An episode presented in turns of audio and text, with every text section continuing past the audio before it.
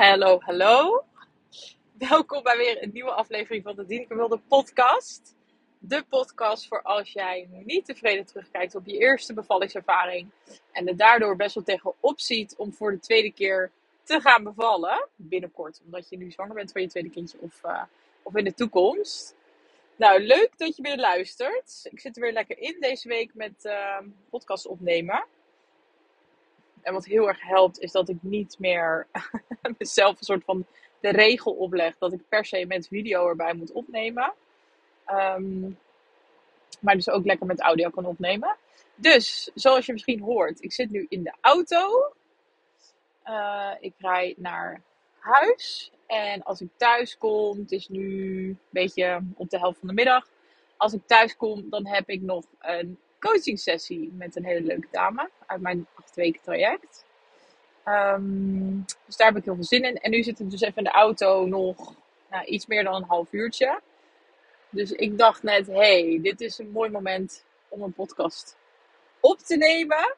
Het is inmiddels dinsdag. Het is 31 oktober. Dus morgen is Daniel jarig. Hij wordt vier en betekent het dat ik vier jaar geleden van hem ben bevallen.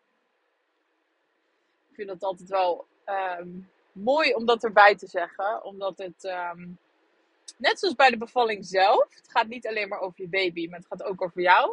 Maar dat is ook, vind ik, met de verjaardagen. Het gaat niet alleen maar, natuurlijk staat de verjaardag helemaal in het teken van je kind. Uh, tenminste, dat is wel ja, hoe ik dat zie. Maar um, je moet ook zeker jezelf niet vergeten daarin. Um, want het is ook jouw dag. De dag dat jij uh, beviel, zeg maar. En in mijn geval is dat dus vier jaar geleden. En, um, en gisteren waren we trouwens um, bij mijn schoonouders. Want normaal is Daniel op dinsdag en woensdag uh, bij mijn schoonouders. Maar het gaat veranderen, omdat hij dus morgen ook naar de basisschool gaat. En ja, mijn schoonouders spelen een hele belangrijke rol in zijn leven, omdat hij daar dus heel vaak is. En, uh, en ook vaak nog tussendoor. En uh, hij heeft het daar gewoon ontzettend naar zijn zin. En zij zijn echt natuurlijk helemaal dol op hem. Als opa en oma. En uh, ze vroegen gisteren van... Ja, ik kan natuurlijk niet op woensdag komen. Dus mag hij dan misschien nog op dinsdag komen? Want dan gaan we lekker met hem lunchen voor zijn verjaardag. Super cute. Dus dat hebben ze gedaan. Dus wij hebben hem gistermiddag uh, daarheen gebracht. Toen zijn we daar lekker blijven eten. Dat was ook heel fijn. Om gewoon aan te kunnen schuiven. En zelf niet meer te hoeven koken. Dus dat was ook heerlijk. Ik heb lekker gegeten, wijntje gedronken. Uh, dus het was echt heel gezellig. En toen zijn Patrick en ik naar huis gereden. En vanmiddag brengt uh, mijn schoonmoeder Daniel weer, uh, weer thuis. En dan is hij morgen jarig. Dus dan gaan we hem natuurlijk lekker, uh, ik wilde zeggen wakker maken. Maar hij slaapt eigenlijk vrijwel elke nacht tussen ons in. Dus uh, waarschijnlijk maakt hij ons gewoon wakker.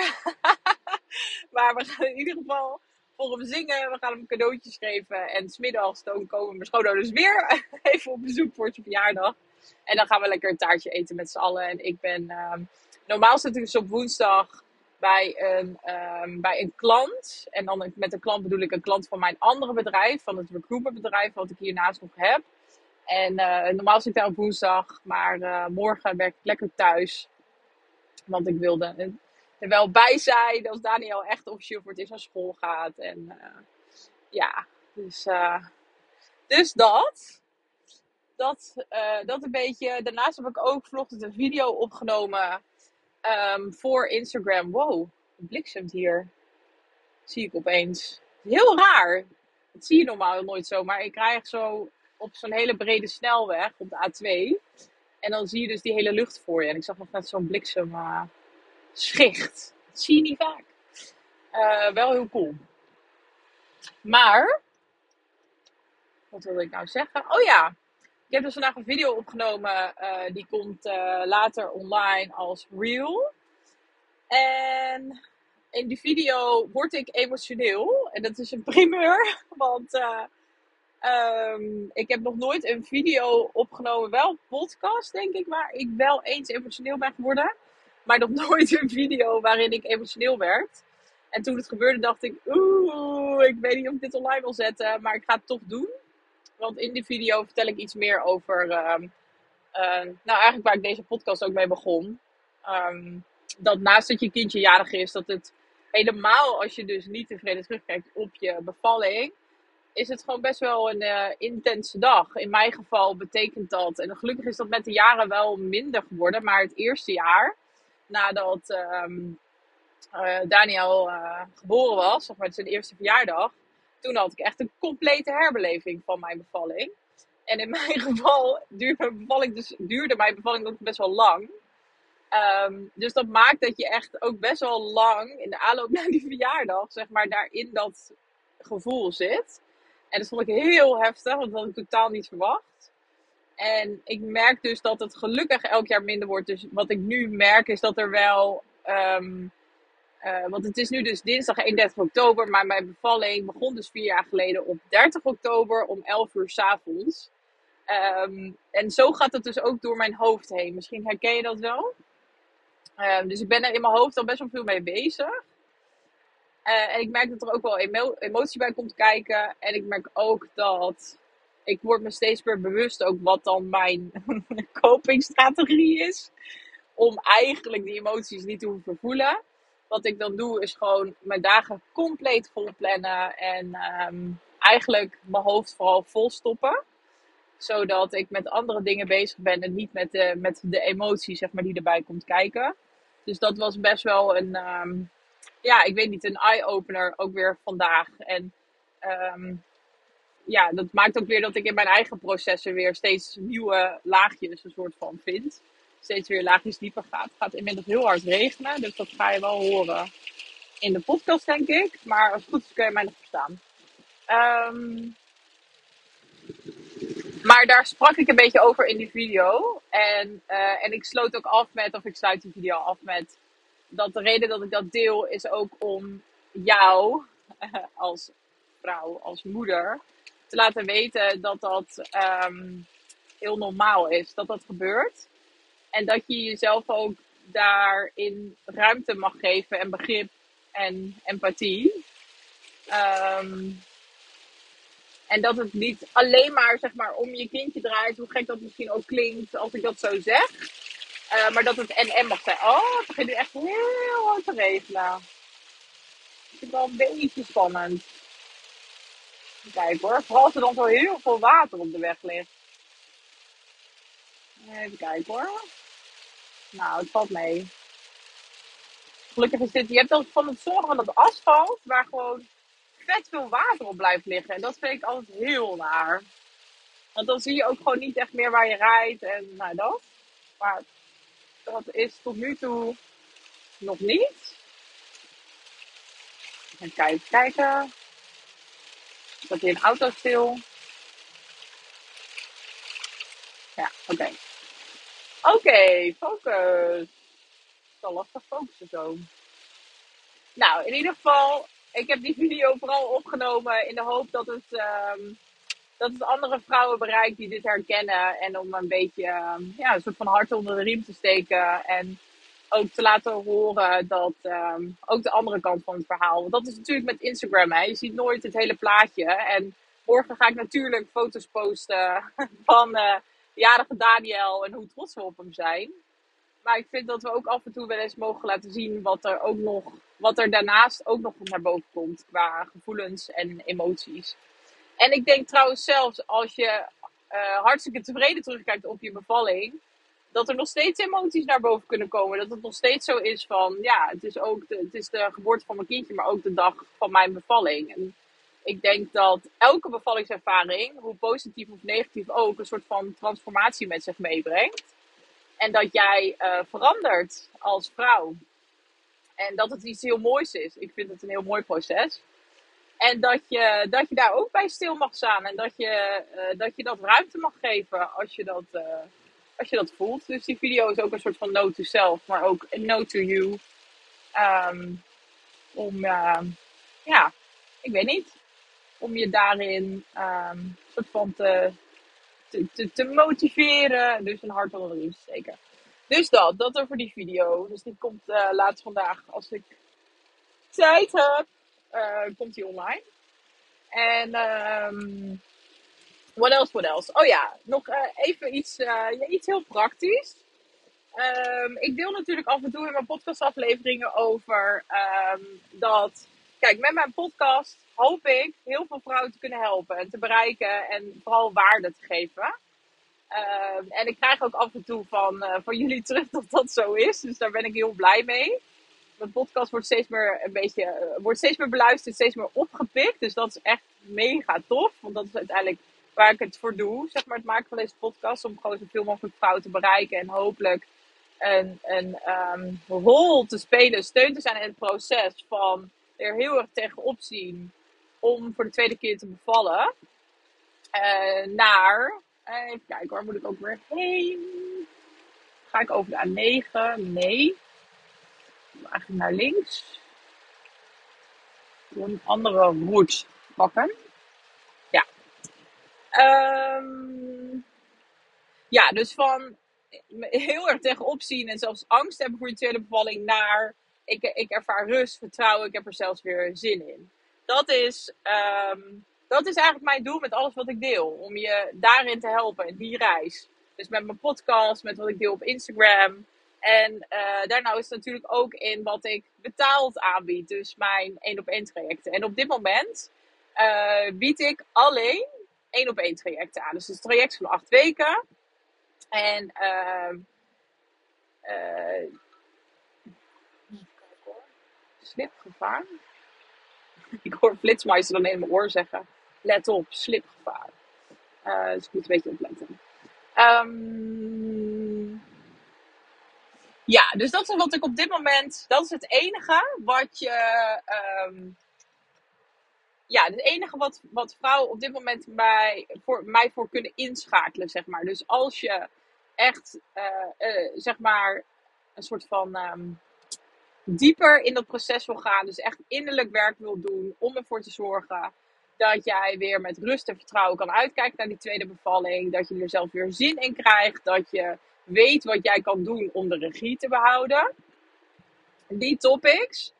Uh, als je daar hulp bij wilt, uh, dan uh, kan je dus bij mij een één op één traject volgen van acht weken. dat is op dit moment wat ik, wat ik aanbied. Um, maar daarnaast wil ik nog iets gaan doen. Want binnen mijn één op één traject um, krijgen vrouwen ook, naast één op één coaching met mij, ontvangen ze ook videomodules. Met dus een videomodule plus een werkboek met opdrachten. En uh, dat blijft gewoon nog uh, binnen mijn één op één traject. Maar ik wil het ook um, los gaan aanbieden. Dus, wat ik heb bedacht, dus ik slinger het even de wereld in, is dat ik ook een online training wil aanbieden. Dus dat is wat laagdrempeliger. Is, zit ook een lagere investering aan vast. Dus een lagere prijs, om het zo maar te zeggen. Um, dus als je daarmee aan de slag wilt, maar um, um, je hebt bijvoorbeeld niet de financiële ruimte om echt uh, een één op één traject met me aan te gaan, dat kan een reden zijn. Het kan ook zijn dat, um, want ik merk dat de vrouwen die in mijn één op één traject sta stappen, al uh, de meeste zijn al best wel bekend met het doen van innerlijk werk. Dus uh, persoonlijke ontwikkeling, met jezelf aan de slag gaan. Uh, voor bijna iedereen is dat niet uh, nieuw. En eigenlijk zou ik met een online training, um, dat zie ik echt als een soort van instaptraining, die ook heel fijn is als je met je tweede bevalling aan de slag wil gaan, maar nog niet eerder echt een soort van innerlijk werk hebt gedaan. Dat dat best wel nieuw voor je is. Dus dat zijn een beetje de twee, de twee redenen. En ik wilde gewoon echt een hele uitgebreide, complete training van maken. Dus heel erg de diepte ingaan. Zodat je gewoon superveel kan bereiken alleen maar met die training. En ik heb bedacht, want ik ga hem nu dus voor het eerst aanbieden. Um, dus ik wil er wat dingetjes instoppen, wat extraatjes. Die er misschien niet altijd in blijven, maar wel voor uh, degene die zich um, uh, vroeg zeg maar, gaan aanmelden. Dus voor de eerste lichting die die training van mij gaat volgen. Uh, ben ik nou goed gaan rijden? Ja, wel toch? ik ben zonder. Uh, Ik rij zonder navigatie, dus ik moet dan even een beetje opletten. Um, wat? En oké, wat is dat dan precies? Uh, onderdeel, nee, dit gaat, blijft er wel in trouwens. Maar onderdeel van de training is sowieso, je krijgt dus een hele complete online training die je dus in je eigen tijd kan volgen. En wat ik ook wil, is dat je, uh, nee, dit klopt niet. Even hoor. Ik heb het gevoel dat ik verkeerd ben gereden. Nee, toch? Nee, oké, wacht. Nee, volgens mij rijdt wel goed. Um, ja, oké, focus, Dieneke, focus. Je krijgt dus een hele complete online training. Met uh, in ieder geval acht modules, maar ik ga hem steeds meer uitbreiden en uitbreiden. Um, daarnaast, dus die volg je, die kan je gewoon op je eigen tempo volgen. En je houdt levenslang toegang. Dus je kan, uh, dus je kan er wat langer over doen. Want in principe heb ik nu in mijn hoofd dat die acht weken duurt. Maar je houdt dus gewoon toegang daarna. Misschien iets langer. Moet ik nog even, even fine-tunen. Um, maar dat je dus levenslang toegang houdt. Dus dat je ook op een later moment nog weer terug kunt gaan naar die, naar die training. Dus het kan zijn dat je bijvoorbeeld nu gaat starten. Uh, terwijl je nog niet zwanger bent van je tweede kindje. En dat je weer sommige modules opnieuw kan doorlopen zodra je zwanger bent van je tweede kindje. Of het kan zijn dat je nu wel zwanger bent van je tweede kindje en dat gaat volgen.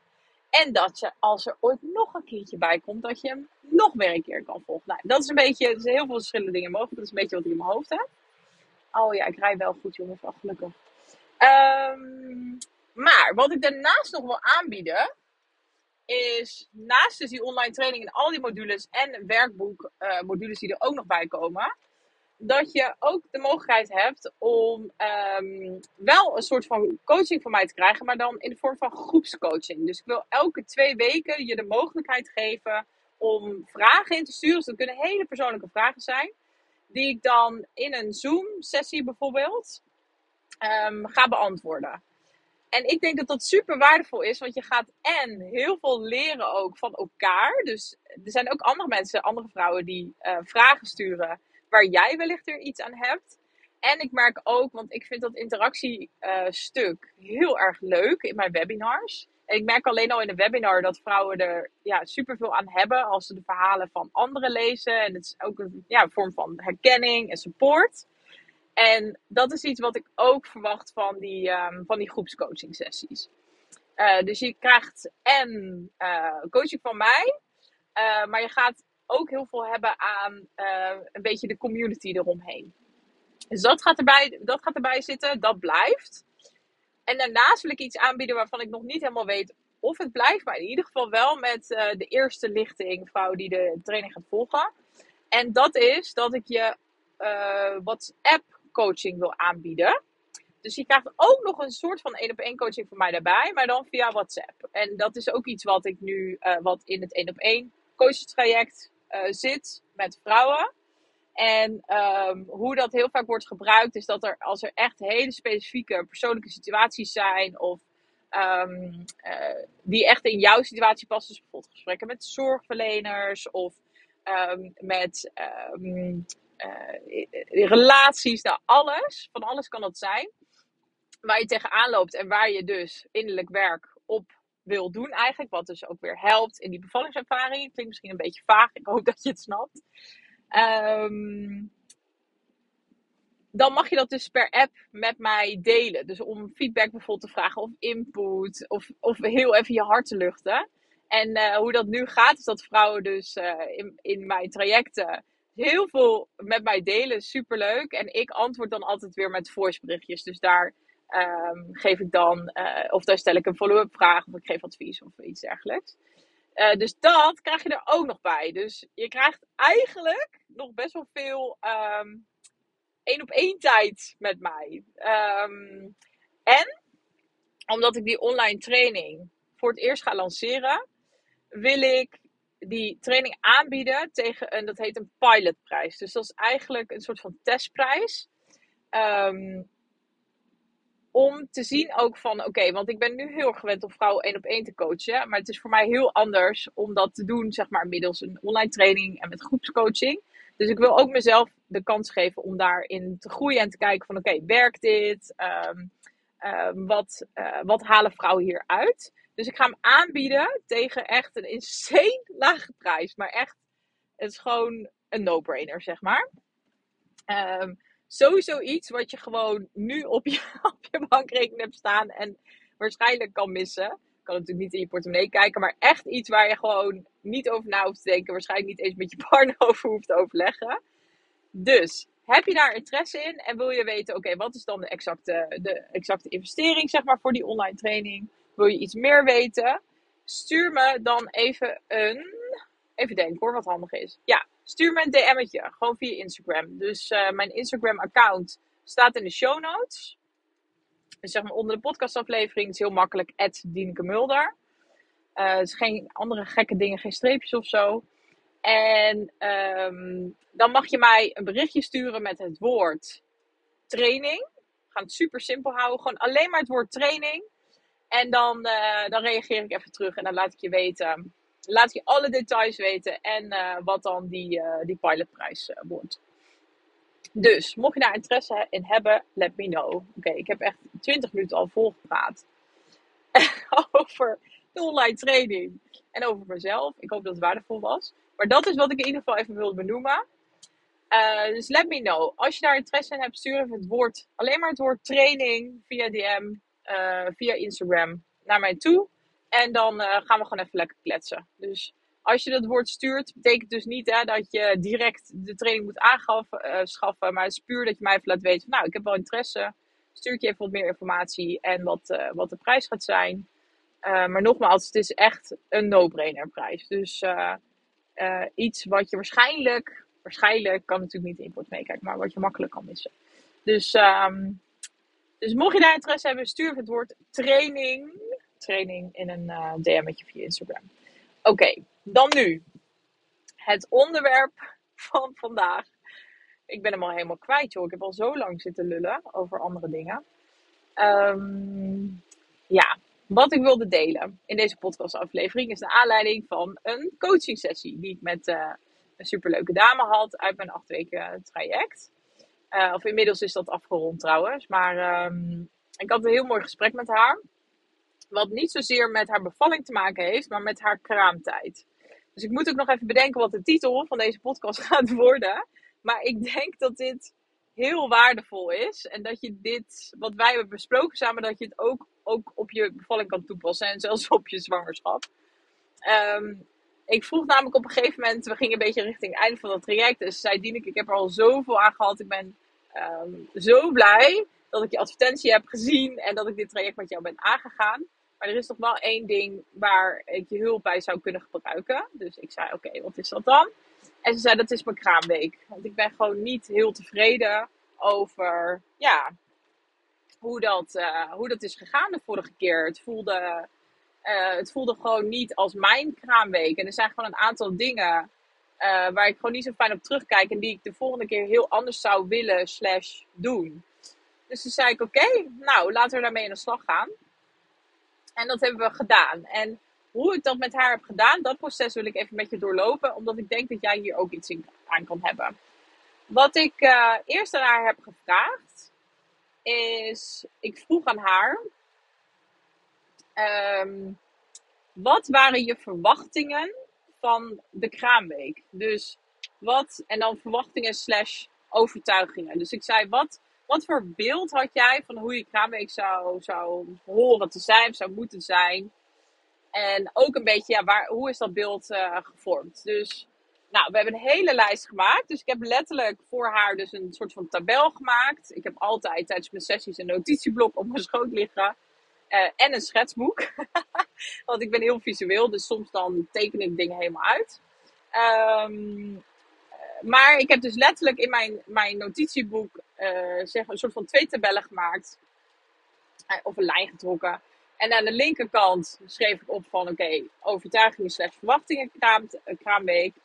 Um, en aan de rechterkant um, gingen we aan de slag met hoe was dan uiteindelijk de realiteit.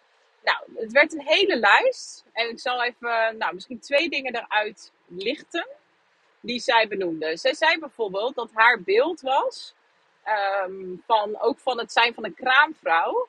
dat je heel snel weer mobiel bent. En dat je heel snel helemaal netjes aangekleed beneden zit.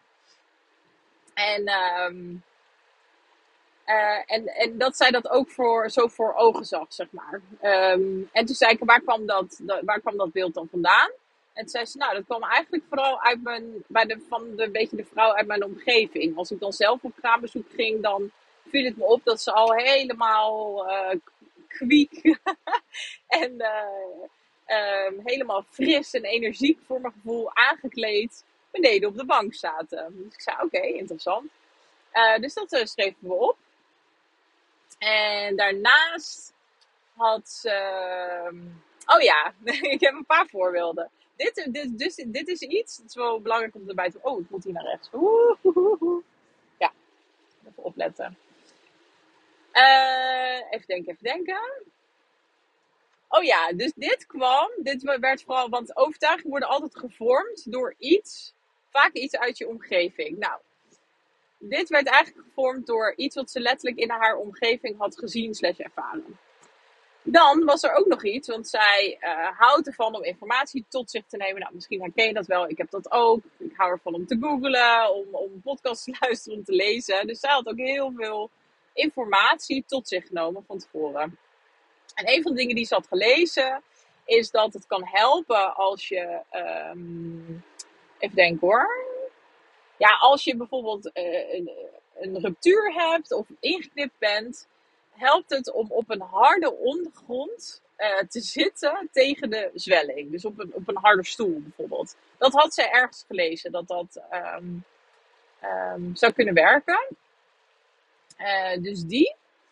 En even denken wat nog meer. Ja, nee, laten we het heel even bij deze twee, um, bij deze twee houden. Dus toen vroeg, en het was, het was een langere lijst, want we hebben gewoon, als ik dit soort oefeningen doe, dan gaan we echt tot in detail gaan we alle, alles door. Want dat helpt heel erg. Eigenlijk is dit een hele mooie oefening om te doen van, uh, wat zijn eigenlijk, wat geloof ik over um, over de situatie waar ik in kom, in dit geval dus de kraamweek. Maar dit kan je dus ook met je bevalling doen. Dus wat, zijn, wat geloof je, wat zijn jouw waarheden, wat zijn jouw overtuigingen? En dan de vraag is natuurlijk, kloppen die eigenlijk wel? Of zijn die eigenlijk wel dienend voor je? Dat is vooral de vraag die je uiteindelijk wil gaan beantwoorden. Um, dus uh, ik heb die tabel met haar gemaakt en toen gingen we naar de rechterkant. Dus de realiteit. Dus hoe was het uiteindelijk in reality? En toen benoemde ze bijvoorbeeld dat ze zei van ja, ik had dus heel erg het gevoel dat ik dus heel snel aangekleed beneden moest zitten. en een beetje voor het bezoek moest zorgen en zo. Uh, maar ze zei in realiteit uh, ervaarde ik dat ik juist heel veel behoefte had aan niet te veel bezoek. De hele tijd gewoon in bed liggen. Gewoon veel met mijn gezin te zijn. En dat het gezinnetje centraal uh, stond. Ze vertelde bijvoorbeeld ook, want ze zei ja, heel vaak zat, zat ik dus beneden met het kraambezoek in een kringetje en ging mijn baby van hand tot hand. En toen zei ik, nou, hoe, hoe, hoe heb je dat dan ervaren? Hoe vond je dat? Toen zei ze, nou, ik vond het niet heel erg om mijn, mijn baby een soort van um, door andere mensen vastgehouden te laten worden. Maar ze zei, ik vond het wel heel vervelend dat op sommige momenten, als de kring dan heel groot was met heel veel mensen, dat mijn baby echt drie meter van mij verwijderd was. Dus, uh, uh, dus dat was super interessant. En uh, toen had ik daar ook een beetje over. Want ik hou heel erg ervan om dit soort settings te analyseren, maar dan vooral op systemisch niveau. Dus um, hoe, hoe zit je letterlijk? Misschien heb je wel eens van familieopstellingen gehoord. Maar dit kan je ook op dit soort situaties toepassen. Dus hoe, hoe zit je letterlijk, zeg maar, ten opzichte van elkaar? En um, en toen vroeg ik ook aan haar van hoe voelde dat om eigenlijk in die kring te zitten beneden, maar ook onderdeel te zijn van die kring met mensen. En toen zei ze, ja, dat, dat voelde eigenlijk heel gek. Ze zei, ik vond het veel fijner. Uh, want pas later in de week is ze wat meer naar haar eigen gevoel gaan luisteren. Supergoed. En toen zei ze, nou, toen heb ik besloten om gewoon een bezoek bij mij boven te laten komen. En uh, bij mij op, op de rand van het bed te laten zitten. En toen zei ik, en hoe voelde dat dan? Ze zei, ja, dat voelde veel beter. Want ik... Uh, en dan hielden ze ook wel mijn babytje vast. Maar dan was ik gewoon super dichtbij. En ik was dan... Um, ja, eigenlijk, ik zei tegen haar, ja, je was gewoon de koningin van het bed, zeg maar. De queen of the bed. Zei ze, ja, zo voelde dat ook. En het voelde veel, dat was veel fijner. Misschien kan je ook wel voorstellen, systemisch gezien, dat het heel anders is als jij het gevoel hebt van oké, ik zit nu in deze kring en um, jeetje, het heeft echt heel hard, jongens. Dat het heel anders voelt om een soort van eigenlijk dus onderdeel te zijn van die kring, terwijl je net bevallen bent. En dus ook daardoor ook lastiger wordt om dan een beetje zo aan te voelen van oeh, ik wil dat mijn baby is nu te ver weg. Ik wil dat mijn baby weer iets dichterbij komt. Dan dat je uh, op bed ligt en dat mensen bij jou op bezoek komen, eigenlijk in jouw slaapkamer. Dus nog steeds in je eigen huis. Maar dat voelt gewoon heel anders. Ook, want ook als je in bed ligt, ja, dan wordt het wel wat lastiger om naar beneden te lopen en uh, een soort van gastvrouw te zijn en koffie te zetten en beschuitjes te smeren, zeg maar. Dus dat is, dat is wat ik bedoel met systemisch. Dat systemisch gezien een heel andere setting. Dus zo, dat was ook heel mooi hoe ze dat beschreven. Dat ze dat ook echt ervaarden. Dat ze het helemaal niet prettig vond eigenlijk om in, om in die kring te zitten. En daarnaast is ze dus ook op die harde stoel gaan zitten steeds. Omdat ze dat dus had gelezen. Terwijl ze uiteindelijk, ik zeg maar, hoe voelde dat dan? Ze zei, ja, het voelde echt verschrikkelijk. Het voelde heel, heel kut. Um, het is eigenlijk wat interessant. Want eigenlijk gaf jouw lichaam dus heel duidelijk aan, dit is niet prettig. Maar door wat je dus had gelezen, de informatie die je tot je had genomen, um, um, heb je dat gevoel eigenlijk genegeerd. En, en zo hebben we eigenlijk met z'n tweetjes nog een aantal uh, voorbeelden doorgesproken. En wat hier denk ik heel waardevol aan is, is dat wat wij ontdekten, is dat zij dus bepaalde dingen, verwachtingen, dus dat is het woord trouwens wat ik zocht, verwachtingen. Dus overtuigingen slash verwachtingen, die ze had over haarzelf, over haar kraamweek, hoe het zou zijn en wat, wat wel en niet dan kan. Dat eigenlijk doordat ze die verwachtingen had uh, en eigenlijk vooral bezig was met wat wordt er dus extern van mij verwacht of wat zegt een ander wat goed voor mij is. Dus het zitten op zo'n harde stoel, dat is belangrijk om dat te doen. Um, het aangekleed beneden zitten, er zijn voor je bezoek. Dat zijn allemaal verwachtingen die je van tevoren hebt en die eigenlijk gevoed worden door iets externs. Alleen als je dan volgens in je kraamweek zelf komt, dan mag je er ook op vertrouwen dat eigenlijk jouw lichaam, jijzelf, heel duidelijk aanvoelt wat jij op dat moment wilt. En het kan dus zijn dat jij zoiets hebt van ja, ik wil gewoon lekker twee weken in mijn bed liggen met mijn baby. En dat als er bezoek komt, dat dat bezoek uh, vooral bij mij boven komt. En dat ik dus niet naar beneden hoef en daar aangekleed uh, hoef te zitten. Dit, dit proces gaat heel erg over, lukt het je om trouw te zijn aan jezelf? En dat, dat heb ik heel erg met haar doorlopen. En we kwamen er dus ook achter want ik vroeg ook aan haar, heb je het gevoel dat je trouw bent geweest aan jezelf? Dus zei ze, ja, in de eerste paar dagen gewoon niet. Daarna begon ze het, begon ze het door te krijgen van zichzelf. Echt heel mooi, dat proces. En toen heeft ze dus een aantal dingen aangepast. Maar ze zei van ja, dit wil ik natuurlijk voor zijn in mijn tweede kraamweek. Ik wil het echt heel anders. Um, dus toen zijn we heel erg gaan kijken van oké, de realiteit was dit, dit en dit. Maar wat is eigenlijk wat, je, wat jij voelde? Wat, wat vertelde je intuïtie op dat moment? Wat vertelde je je lichaam je? Dat, dat, hebben we heel erg soort van doorgenomen samen.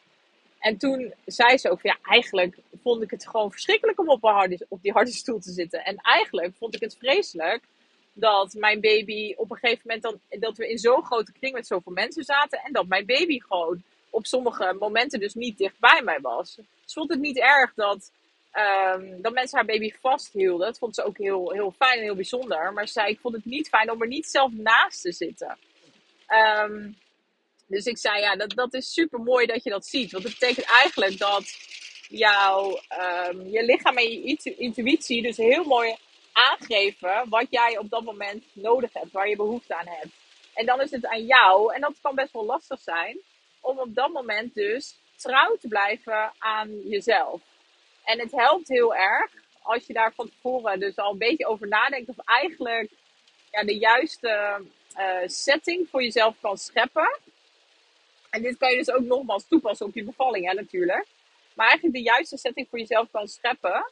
Om, um, waardoor het makkelijker voor je wordt om trouw te zijn aan jezelf. Om trouw te zijn aan wat jij op dat moment um, voelt. En ik had ook dat voor haar visueel gemaakt. Dus ik had eigenlijk een paar ballonnetjes getekend. Ik zei eigenlijk wat er is gebeurd. Is dat je uh, in, je, dus die eerste um, kraamtijd experience. dat je meer bezig was met de, de grote ballonnetjes rondom de informatie die je al tot je had genomen. En de ballonnetjes rondom uh, de, de ervaring die je hebt gezien van anderen. Maar niet zozeer het ballonnetje van jezelf. Dus die twee ballonnen, die waren als het ware heel groot. En haar eigen ballon was heel klein.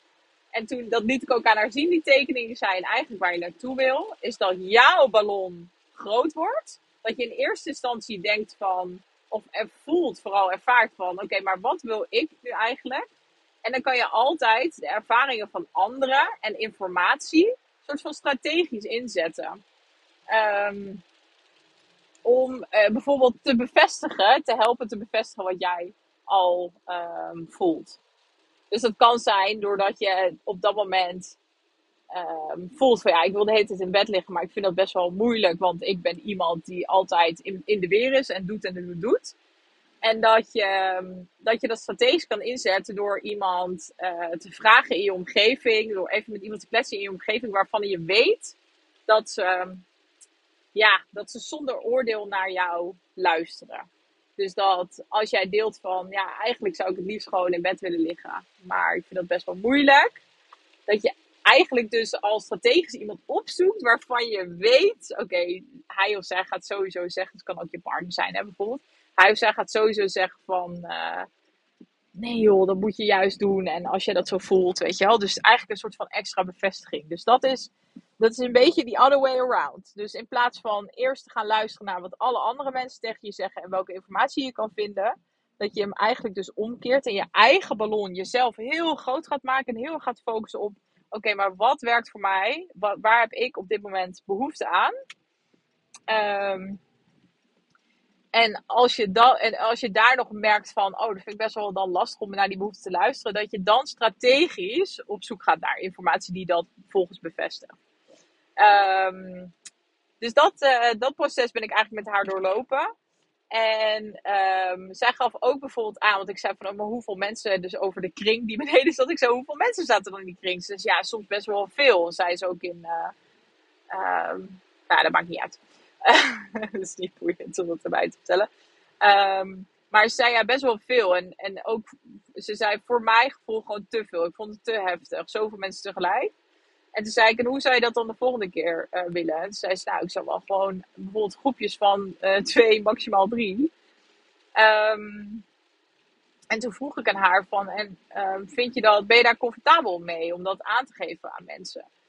En toen zei ze, ja, ja, het ligt er wel een beetje aan wie. Soms vind ik dat wel moeilijk om dan... Uh, um, ja, dat, dat sommige mensen dus niet direct kunnen komen als de baby hier geboren is. Maar dat ik sommige mensen dus een soort van uh, moet uitstellen. En ja, wat gaan ze daar dan van vinden en zo. Um, en toen vroeg ik aan haar, ik heb eerst haar gevraagd, ik zei oké, um, stel je eens voor, bedenk je eens, um, wat het verschil is tussen de impact die het voor jou kan hebben als in jouw kraamweek, als je toch te veel mensen te snel laat langskomen, versus iemand die heel even een weekje moet wachten tot hij jouw baby ziet. Uh, ik zei, wat is het verschil en impact daarin, weet je wel? Ik zei, wat is de impact voor iemand die heel even een weekje moet wachten, of twee weken misschien? Ze zei, ja, ja, diegene baalt er misschien heel even van. En toen zei ik, ja, maar die, volgens gaat hij ook gewoon weer door met zijn leven. toen zei ze, ja, dat klopt. Toen zei ik, maar wat is de impact voor jou als jij dus tegen je eigen gevoel in veel meer mensen op kraambezoek laat komen? Wat zijn daarvan, zeg maar, de effecten, lange termijn effecten? En toen noemden ze echt een hele rij, zeg maar, op. En toen zei ik, ja, dit is heel belangrijk om je te blijven realiseren. Ook als je, als je straks in situaties terechtkomt waarin je dus eigenlijk nee moet zeggen tegen mensen.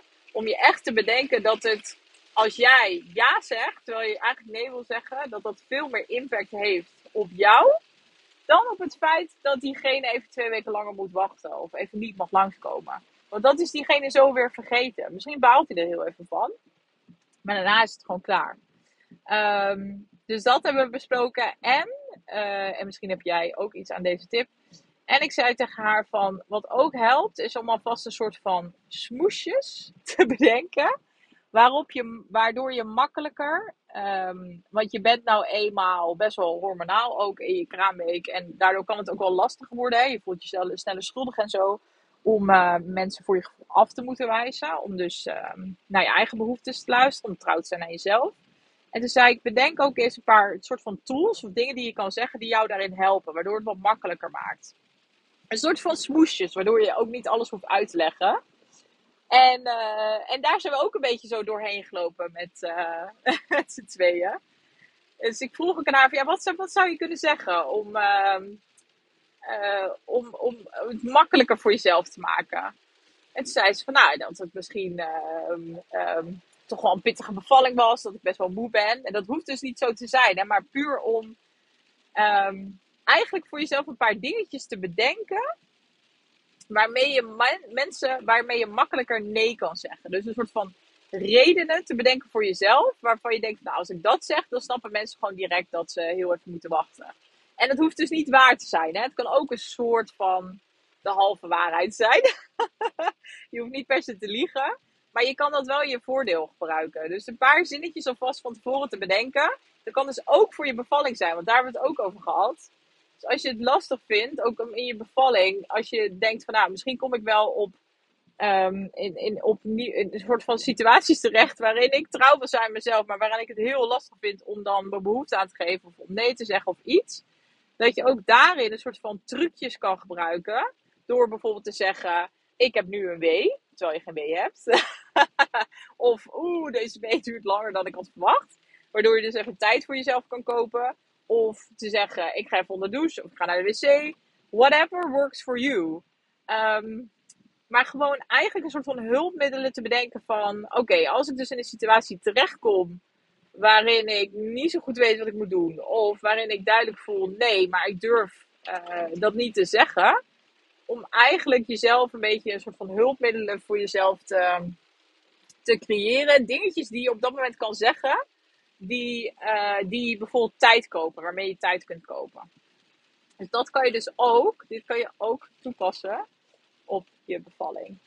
Oké, ik, uh, ik denk dat dit een was. Uh, laat me weten of je hier iets aan hebt gehad. Uh, mag dus door ofwel te reageren onder deze podcast. In Spotify staat er altijd een vraag van wat vind je van deze aflevering. Dus daar mag je op reageren let me know of, je hier, uh, dit waardevol was, of je hier iets uit hebt gehaald. En uh, je mag me natuurlijk ook altijd een DM sturen via Instagram. Um, met je vragen, met je opmerkingen, met je feedback. Um, kan van alles zijn, vind ik super leuk. Want een, een podcast, ja, daar krijg je, dat is anders dan Instagram. Een podcast krijg je natuurlijk niet direct een soort van respons op. Uh, dus dat vind ik heel leuk om te horen. Let me know. En, oh ja, mocht je dus hier verder in willen, wil, wil je vervolgstappen zetten en denk je, nou, misschien is die online training, dus waar ik eerder in deze aflevering over had, wel iets voor mij, stuur me dan even het woord training via DM. En dan geef ik je wat meer informatie en dan laat ik je ook weten wat dus die, die mega no-brainer pilotprijs is. Dus echt uh, een mega, mega, mega lage, lage prijs gaat dit zijn. Uh, omdat ik dus uh, voor het eerst die, um, die online training ga lanceren. Dus let me know als je daar interesse in hebt. Je hoeft dus alleen maar het woord training naar mij te sturen. Het betekent niet dat je hem direct aanschaft. Je krijgt wel wat meer informatie en dan kan je er vervolgens even over nadenken wat je wil. Oké, dan gaan we hem afronden. Heel erg bedankt voor het luisteren en tot de volgende.